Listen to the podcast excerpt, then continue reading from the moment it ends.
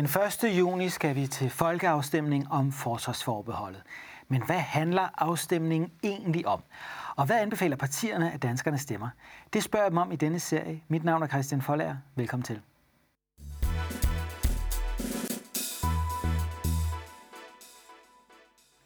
Og også velkommen til dig, Peter Velblom. Du er forsvarsordfører for Enhedslisten.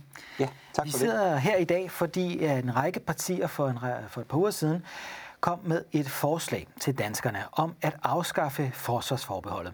De havde indgået en aftale om den fremtidige forsvarspolitik herhjemme, i det, de kaldte et nationalt kompromis. Det var Socialdemokratiet, Venstre, Radikale, Konservative og SF. De vil bruge flere penge på forsvaret frem mod 2033, hvor vi skal leve op til NATO's krav om at bruge 2 procent. Det er jo det, de har lovet med aftalen. Og så anbefaler de altså også, at vi afskaffer forsvarsforbeholdet, så vi kan komme med i EU's forsvarssamarbejde. I er ikke med i aftalen, og I anbefaler, at danskerne stemmer nej den 1. juni. Mm. Hvorfor gør I det? Ja, altså for det første så, så undrer det mig lidt, at øh, man blandt øh, de fem partier så hurtigt kunne komme frem på, hvad svaret var på den fuldstændig øh, urimelige og ulovlige og menneskerettighedskrænkende russiske invasion af Ukraine. Fordi der er ikke nogen tvivl om, at det ændrer hele sikkerhedsbilledet, både i Europa, men også på global plan. Og derfor så er der også behov for, at man ser på, hvad betyder det for de sikkerhedsstrukturer, vi skal deltage i, hvordan får vi opbygget en øh, både global og europæisk sikkerhedsstruktur, der gør, at vi ikke kommer til at stå i en lignende situation igen. Øh, og der var svaret så fra, fra de fem partier bag det nationale kompromis, at vi skulle have mere oprustning, øh, og at vi skulle afskaffe forsvarsforbeholdet. Og virkeligheden er jo, at ingen af de to dele svarer på den udfordring, vi står med i forhold til Ukraine. Øh, altså det, der har været svaret der, har været at støtte øh, ukrainerne i deres øh, legitime forsvarskamp, øh, og så er det hårde sanktioner i forhold til, til Rusland. Så, så, så derfor er det, øh, synes jeg, det er lidt, et lidt mærkeligt tidspunkt, vi får øh, afstemning omkring afskaffelse af forsvarsforbeholdet, fordi man forsøger ligesom at koble det til, til konflikten i Ukraine, selvom det reelt set ikke har nogen betydning øh, for det. Du ser ingen sammenhæng mellem krigen i Ukraine og et europæisk forsvarssamarbejde? Nej, det er der ikke. Der er jo ikke noget af det, vi har gjort i forhold til, til at støtte øh, Ukraine og, og indføre sanktioner i forhold til Rusland, hvor forsvarsforbeholdet har været til hinder for det. Øh, altså, der gør det ikke nogen forskel. Øh, så kan man så diskutere hele spørgsmålet omkring forsvarsforbehold, om det er en god idé at afskaffe det, og det er jo en helt legitim diskussion. Man skal bare ikke uh, sige til vælgerne, at det her det har noget at gøre med, hvordan vi kan håndtere situationen i Ukraine, eller hvad vi kan gøre i forhold til Rusland. Så I er uenige i, at vi skal afskaffe forsvarsforbeholdet. Er I også uenige i, at vi skal opruste? Ja, det er vi. Altså, jeg synes, det er voldsomt at sige, at vi skal bruge hele det økonomiske råderum, øh, der er frem mod, mod 2032, øh, altså de 18 milliarder kroner, at de skal bruges på, på oprustning. Øh, altså for det første, så har vi jo andre øh, presserende problemstillinger, både øh, et velfærd, en velfærd, der lider, øh, og også en grøn omstilling, som det er nødvendigt at, at investere i. Øh, og for det andet, så er spørgsmålet, altså i dag, der har øh, NATO et, øh, et militærbudget, der gør, at vi er 18 gange øh, stærkere end Rusland. Så er svaret i forhold til at, at, at begrænse Ruslands øh, muligheder for at, at kunne udøve deres, øh, deres militære ambitioner, er det, at vi skruer endnu mere op. Altså, hvor meget stærkere skal vi være? Skal vi være 19 gange eller 23 gange? Eller hvornår kan vi sige, at nu er det nok? Så der er jo en risiko for, at det her det kommer til at betyde øh, en oprustningsspiral, øh, når vi også øh, bliver ved med at investere øh, yderligere i, i militært isenkram. Altså jeg er helt enig i, at vi skal se på den sikkerhedspolitiske øh, situation, den, den struktur, der er både globalt og på europæisk plan, men jeg mener ikke, at, at hovedløs oprustning det er svaret. Nej. Jeg har haft nogle lidt forskellige udmeldinger om krigen i Ukraine. Øh, partimedlemmer fra Enhedslisten har udtalt, at NATO bærer en del af skylden. Er det rigtigt? Nej, det synes jeg ikke. Altså, når vi taler om konflikten i Ukraine, er der en aggressor, og det er Rusland. Mm. Og det er også det, der har været enhedslistens linje hele vejen igennem. Og det er også det, der har gjort, at vi har bakket entydigt op i forhold til, at vi for eksempel har kunnet donere øh, våben til, til ukrainernes legitime forsvarskamp. Øh, vi har insisteret på, at man skal sende både nødhjælp, bistå med, med genopbygning, øh, give humanitær hjælp, øh, sikre, at vi kan tage imod flygtninge, og så samtidig slå til benhårdt i forhold til sanktioner, fordi, altså mod Rusland, fordi det konkret er det, øh, der hjælper. Og hvis man har hørt øh, Zelenskis øh, appel til, til Vesten, har det jo netop også været det spørgsmål om at have hårde sanktioner i forhold til Rusland, og, øhm, og så give støtte til, til den legitime ukrainske modstandskamp. Og så er det jo bare lidt paradoxalt, at enhedslisten, som jo er dem, der hele tiden har sagt, at vi skal ikke gøre os afhængige af russisk gas, øh, både af klimahensyn, men også af sikkerhedsmæssige hensyn, øh, at det er os, der skal beskyldes for at, at, at pleje interesser i forhold til, til Rusland og, og Putin. Ja. Men I støtter altså ikke den her oprustning, som man har vedtaget fra dansk side og også flere andre europæiske lande for at afskrække Rusland. Det er den forkerte vej frem.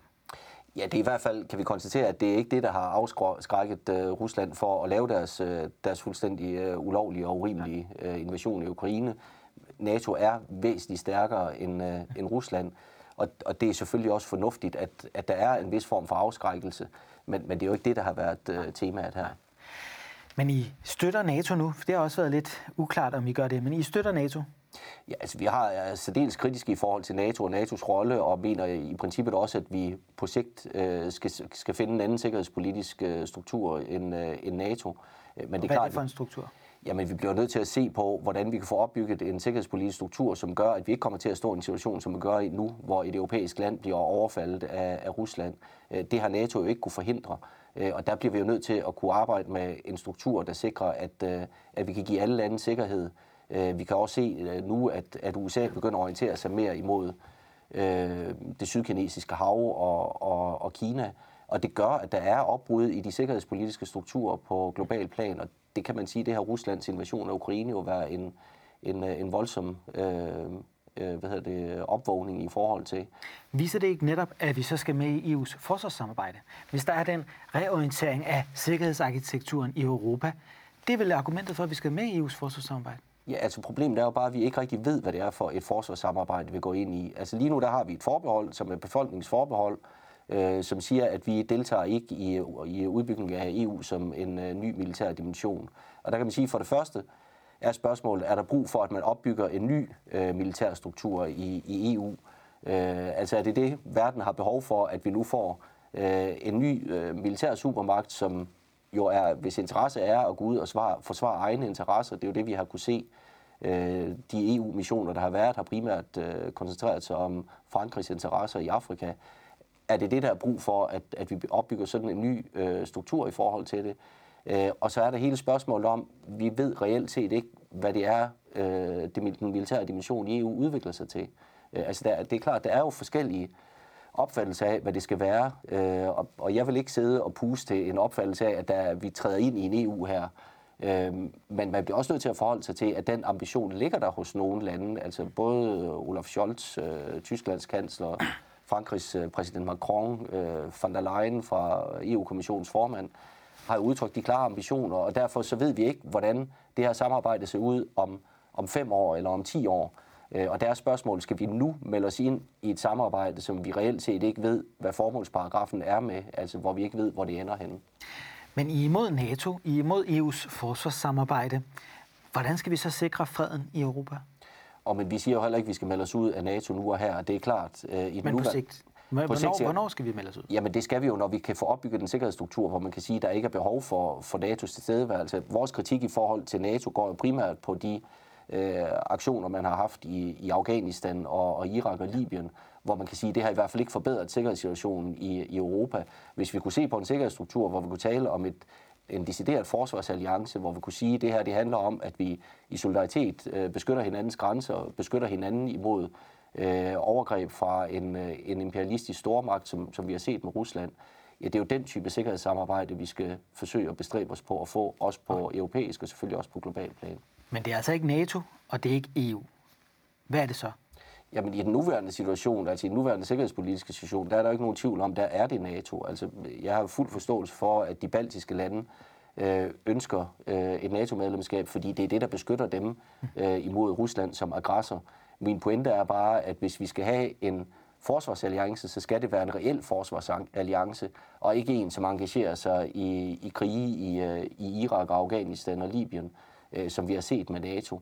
Nej. Øh, så vi bliver nødt til at se på en mere inkluderende sikkerhedsstruktur, også på, på europæisk plan, der kan beskytte landet mod overfald fra en imperialistisk stormagt. Kan du pege på nogen, der ønsker det samme som jer? Jamen det tror jeg, der er en, en udbredt forståelse for. Altså jeg tror, når der er et ønske om at deltage i et NATO-samarbejde, så er det jo fordi, man ønsker at være en del af den beskyttelse, der ligger i det. Men jeg tror ikke, at alle lande er interesseret i, at man skal øh, ud og, og deltage i, øh, i, øh, i aktioner øh, i, øh, i, i Mellemøsten for eksempel, altså i forhold til, til Irak og, og Afghanistan. Der har vi jo kunne se også, at der har været en stor folkelig modstand imod det. Så i princippet tror jeg sådan set, der vil være en bred opbakning til, at hvis man kunne få opbygget en, en forsvarsalliance, som primært øh, koncentrerer sig om at kunne øh, forsvare de ydre grænser øh, imod øh, angreb fra en imperialistisk stormagt, så tror jeg sådan set, der vil være en ret stor opbakning til det. Men den alliance eksisterer ikke i dag? Den, den er der ikke i dag. Nej. Øh, og det er klart, det, det er også derfor, vi siger, at vi, vi rejser jo ikke krav om, at vi skal meldes ud af NATO, øh, hverken i dag eller i morgen. Men er det ikke lidt mærkeligt at have en politik om, at dem, der garanterer vores sikkerhed, øh, dem skal vi sådan set ikke følge fremad. Vi, vi skal finde en anden arkitektur, en anden, en anden forsvarsalliance, som ikke eksisterer. Men vi bliver nødt til at forholde os til, hvordan verden ser ud, øh, både i dag og også den udvikling, der kommer til at være fremover. Der har vi jo bare kunne se, at, at NATO har spillet en rolle, hvor Øh, det blandt andet har betydet, at vi har ført krige i Irak, Afghanistan og Libyen. Vi har destabiliseret øh, sikkerhedssituationen der. Det har medført store flygtningestrømme. Det bliver vi også nødt til at forholde os til. Og det er der, hvor jeg nogle gange efterlyser også et lidt mere nuanceret syn på spørgsmålet omkring NATO, fordi i dag bliver det sådan, at øh, hvis du ikke vil NATO, så går du Rusland til ærne. Vi bliver også nødt til at se på, hvad er det for en rolle NATO spiller øh, i, i den globale sikkerhedsstruktur, øh, og dermed også have muligheden for at kunne rejse en kritik af NATO og stille spørgsmålstegn ved, om den måde NATO har ageret på, om det er den mest fornuftige. Der er jo fremtagende folk fra dit parti, som argumenterer for et styrket nordisk forsvarssamarbejde. Men de lande i Norden, der er med i EU, Sverige og, og Finland, de er med i EU's forsvarssamarbejde. Mm. De ønsker nu også at komme med i NATO. Det er lidt svært at få øje på et andet nordisk land, der ønsker et styrket nordisk forsvarssamarbejde, og som ikke vil være med i EU's forsvarssamarbejde og NATO. Så hvad er det helt præcis for en forsvarspolitik, I ønsker at føre? Jo, men nu, det er jo præcis også derfor, at jeg ikke sidder og peger på et, et øh, fælles nordisk øh, forsvarssamarbejde, fordi som det ser ud lige nu, øh, der, der tyder det jo øh, meget i hvert fald på, at både Finland og Sverige kommer til at søge optagelse i, øh, i NATO. Øh, og det er klart, det, det har også en betydning for det mere langsigtede perspektiv i forhold til et fælles nordisk samarbejde. Men principielt set synes jeg faktisk, det ville have været øh, fornuftigt med et, øh, med et fælles nordisk øh, forsvarssamarbejde. Det ligger bare ikke i kortene lige nu. Øh, men der er jo ikke nogen tvivl om, vi bliver nødt til at se på, hvordan man kan opbygge en sikkerhedsstruktur, hvor vi kan give lande beskyttelse imod øh, overfald fra for eksempel Rusland eller en anden øh, imperialistisk stormagt, men også samtidig sikre, at det ikke betyder, at man så drager ud på, på krige i, øh, i Irak, Afghanistan og Libyen for eksempel. Hvem sikrer Danmarks sikkerhed lige nu? Ja, lige nu er det jo gennem øh, vores NATO-medlemskab, at, øh, at vi, øh, vi har en beskyttelse. Og det er en god ting? Ja, det er det jo i den nuværende situation. Pointen er bare, at vi bliver også nødt, nødt til at se på, hvordan vi kan få opbygget en, en anden øh, sikkerhedspolitisk struktur. Og det skal så ikke være i EU-regi? Nej, det skal det ikke, fordi øh, altså når vi ser på, altså for det første, så det, det der ligger i, i forsvarssamarbejdet i EU, handler jo netop ikke om territorialforsvar. Ja. Øh, det handler alene om at kunne øh, forsvare EU's interesse uden for EU's grænser. Okay. Øh, og, og derfor så, så vil det være fuldstændig halsløs gerning nu at kaste sin lod i en kurv, hvor man kan sige, at man skal ud og føre krige øh, rundt omkring i verden. Altså nu nævnte du selv den uh, tyske kansler Olaf Scholz. Han var ude for nylig og garanterer, at den europæiske musketeret, som faktisk er en del af det europæiske forsvarssamarbejde, den gælder de EU-lande, som ikke er med i NATO, altså for eksempel Sverige. Er det ikke en meget god idé, at Danmark er med i en forsvarsalliance, som kan sikre vores territorium? Men, men det er jo så det, vi er i, i NATO-regi, og spørgsmålet er, altså hvem, hvem er det så, der skal garantere øh, den musketeriet i, øh, i EU-regi? Fordi øh, altså EU har jo ikke nogen stående styrke i forhold til det. Øh, og det er jo det, der foregår i, øh, i NATO-regi i dag. Øh, og spørgsmålet er, i, i hvor stor omfang skal man begynde at opbygge øh, alternative sikkerhedsstrukturer? Skal vi så, altså betyder det så, at vi skal tilpasse vores forsvar til, øh, til, til det tyske og det franske forsvar? Altså at, øh, at vores øh, forsvarssystemer skal være kompatible Øh, ikke bare med NATO-lande, men også med, med andre EU-lande. Du nævnte selv øh, tidligere, at der også er en bevægelse i USA. Altså amerikanerne fokuserer mere fremad på Asien. Mm. Er der ikke en risiko for, at de helt forlader det europæiske kontinent og dermed ophæver den amerikanske sikkerhedsgaranti for et land som for eksempel Danmark? Altså det tror jeg ikke, der er lige umiddelbart, men det er klart, det er jo lige præcis den debat, vi bliver nødt til at tage. Altså hvad betyder USA's øh, ændrede fokus fra Europa over til, til primært Asien? den, den debat bliver vi jo nødt til at tage, og der bliver vi også nødt til at diskutere, hvad betyder det så for den globale sikkerhedsstruktur, og også for den europæiske eller den nordiske for den sags Og hvad vil det betyde for Danmark? Ja, det vil jo betyde, at vi skal se på, hvordan kan vi få opbygget en, en, øh, en sikkerhedsstruktur, hvor vi også kan beskytte øh, europæiske lande øh, mod overfald fra, fra, fra imperialistiske stormagter, som det vi har set med, med Rusland i forhold til Ukraine. Og viser krigen i Ukraine ikke, at det er fuldstændig afgørende for et lille land uden atomvåben, nu er Ukraine så større end Danmark, er faktisk territorialt et meget stort land, ja. men et, et land uden atomvåben, er det fuldstændig afgørende, at man er i en forsvarsalliance med et land med atomvåben? Jo, altså, nu kan man sige spørgsmålet forsvarssamarbejde? Altså man kan i hvert fald sige spørgsmål omkring øh, adgang til nukleare våben, øh, altså det atomvåben, øh, har vist sig at være afgørende, fordi det er også det, der er den aktuelle balance lige nu imellem ja. Rusland og NATO. Øh, det er, at ingen af landene er interesseret i, at den her konflikt skal, skal eskalere. Men vi har heller ikke interesse i at opretholde en sikkerhedsstruktur, hvor du skal være afhængig af at have adgang til, til nukleare våben. Altså man bliver nødt til at se på en sikkerhedsstruktur, hvor du også kan tale, altså hvor du kan fokusere mere på FN's rolle, mere på diplomati, øh, mere på nedrustning, øh, netop for at skabe øget øh, sikkerhed, fordi en, en verden, som baserer sig på en sikkerhed, øh, der garanterer, at nukleare våben er ikke en særlig sikker verden at leve i. Det ser vi jo lige nu. Det er klart, men forudsætningen for hele den her debat er vel også et, Danmark kan ikke diktere verdens indretning, og enhedslisten kan heller ikke diktere Danmarks politik. Vi skal vel også tale om, hvad er Danmarks interesser? I ser en risiko for, at amerikanerne forlader Europa. I mener sågar også, at Danmark på sigt skal melde sig ud af NATO. I vil heller ikke med i EU's forsvarssamarbejde. Derved vil Danmark jo stå uden nogen forsvarsalliance. Ingen vil forsvare os. Og det er præcis den situation, ukrainerne befinder sig i. Hvorfor skal Danmark risikere at stå i den situation? Men, men pointen er jo også, at, og det er også derfor, vi ikke rejser kravet om dansk udmeldelse af NATO nu, fordi det er det, der giver øh, sikkerhed i den aktuelle sikkerhedssituation. Men vi bliver nødt til at tage debatten om, hvad har det her betydning, for eksempel for, for, øh, for NATO, hvis, hvis øh, USA retter sin, sin, øh, sit fokus et andet sted hen.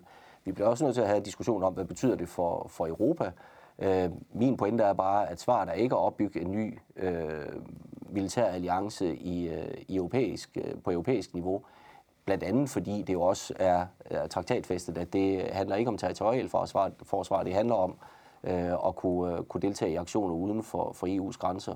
Men, men min pointe er jo netop, at det præcis derfor virker som øh, en lidt overilet handling at sige, at svaret lige nu det bare er mere oprustning, og det er, at vi skal afskaffe et forsvarsforbehold, når det vi i virkeligheden har brug for, det er at få en grundigere sikkerhedspolitisk diskussion af, hvordan kommer verden til at se ud om fem år og ti år, og hvad betyder det for, for vores øh, alliancetilhørsforhold, øh, både med henblik på den øh, europæiske, men også på den globale udvikling.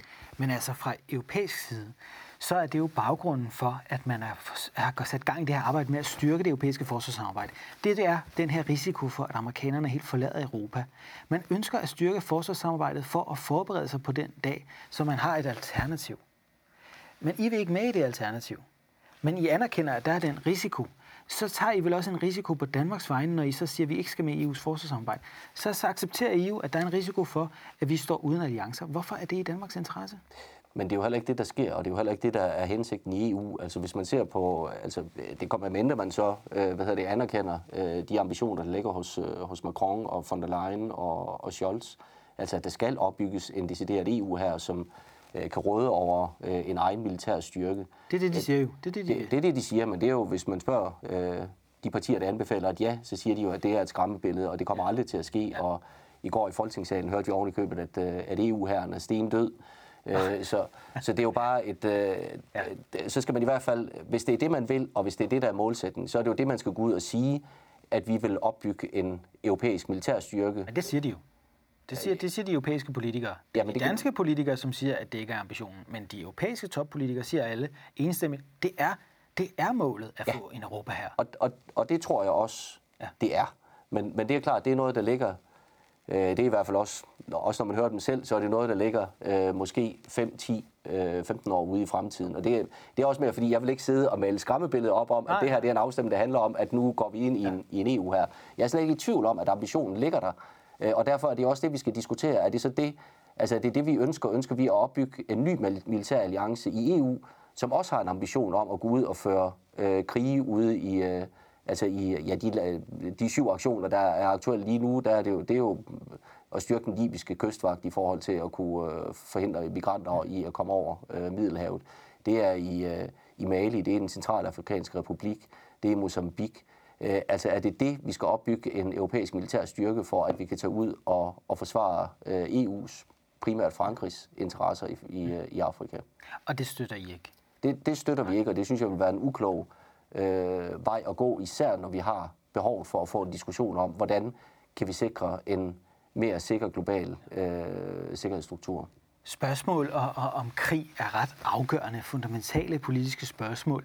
I støtter jo en regering, som ønsker det her, og som også mener, at Danmark skal deltage i den type missioner. Hvorfor gør I egentlig det?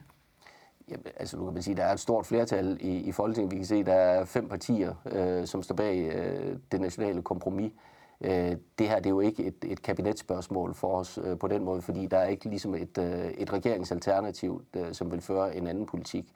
Men det er klart, det er jo noget af det, vi kritiserer regeringen hårdt for, og det er jo også derfor, vi heller ikke øh, er med i aftalen omkring det nationale kompromis. Men det er ikke noget, der kunne få jer til at trække støtten til regeringen?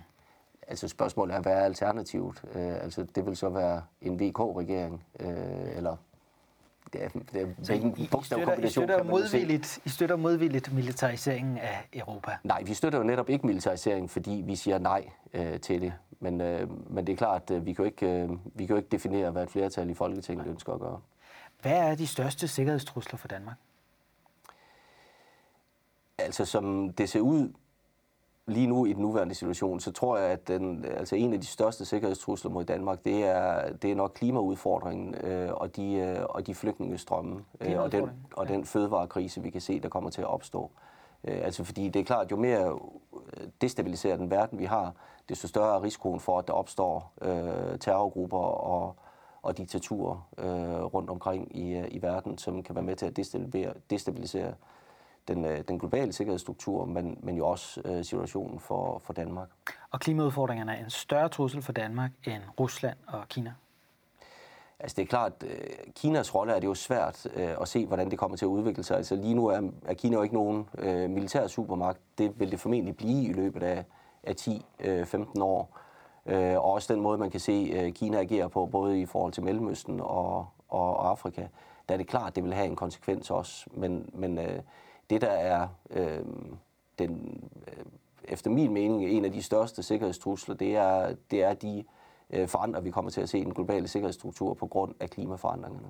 Hvordan det? Altså på grund af flygtninge? På grund af, af flygtningestrømmen og på grund af en ændret ressourcefordeling. Ja, og er det så ikke også et argument egentlig for oprustning og styrket forsvarssamarbejde? Vi skal sikre europæiske interesser, at europæerne har adgang til ressourcer i en verden, hvor der vil være mangel på dem. Altså problemet med den tankegang er jo, at så, så køber man også ind på hele tanken omkring, omkring øh, et Fort Europa, øh, hvor du bliver nødt til at, at have hårde grænser øh, mellem Europa og, og, og Nordafrika og Asien øh, for at forhindre flygtningestrømme i at komme op. Og det vil jo så betyde, at så skal man stå og skyde folk for at forhindre dem i at komme ind. Men, så, men, så svaret på det er jo ikke, øh, det er jo ikke øget oprustning, det er jo at sikre en, en mere ligelig global øh, ressourcefordeling og også sikre, at vi rent konkret øh, begynder at gøre noget ved klimaforandringerne. Men hvordan sikrer man det, hvis de øvrige stormagter indleder en kamp om ressourcerne i en verden, hvor der er mangel på dem? Hvis de holder på dem med militær magt, så har vi vel også brug for militær magt for at fratage dem de ressourcer? Men det er jo derfor, den politiske diskussion går på, hvad er det for en verden, vi ønsker at leve i om, øh, om 50 og om 100 år? Øh, er det en verden, hvor vi øh, hver især opbygger øh, militære alliancer i den øh, del, vi er i? Altså vi opbygger en europæisk militær alliance for at kunne, svare, kunne forsvare europæiske øh, interesser, og så skal vi så kæmpe mod kinesere og amerikanere, øh, med alle de konsekvenser, det måtte have, at, at vi bliver ved med at opruste, frem for at sige, at vi bliver nødt til at se på, hvordan vi kan få lavet en mere ligelig global øh, ressourcefordeling. Men hvad og hvordan de andre vi kan ikke er enige, Peter? Hvad hvis de andre siger, det, det er vi ikke interesseret i, vi tager vores andel? Men, men det kan, altså, ud fra den sanggang vil man jo aldrig kunne forandre noget, for så vil de andre også hele tiden sige, at øh, jamen, hvad hvis nu de ikke er enige? Øh, vi bliver nødt til at rejse spørgsmålet om, at hvis vi vil undgå en, en øh, global situation, hvor vi opbygger øh, små militære søjler hver især, der, der udøver øh, vores, øh, vores imperialistiske virke rundt omkring i verden, ja, ja så, øh, så, så bliver det jo øh, lige præcis det, der bliver til en oprustningsspiral. Og derfor skal danskerne stemme nej? Ja, det, nu er vi langt ude af, af tangenten i forhold til, hvordan øh, verden kommer til at udvikle sig. Jeg vil sige, den væsentligste grund til, at verden, eller Danmark skal, skal stemme nej, øh, danskerne skal stemme nej til, til at afskaffe EU-forsvarsforbeholdet, det er jo, at vi ikke skal øh, gå ind i en udvikling, hvor vi udvikler EU til en militær dimension. Og hvis vi stemmer nej, så kan vi bibeholde vores for, forsvarsforbehold. Hvis vi stemmer ja, øh, så har vi øh, ligesom øh, overladt det for altid. Vi må se, om øh, danskerne er enige, når de skal til afstemning den 1. juni. Jeg vil sige tusind tak, fordi du kom her, Per. Selv tak. Og tak til alle derhjemme, der så med. Husk, at vi snart er tilbage med et nyt afsnit her på kanalen. Vi ses.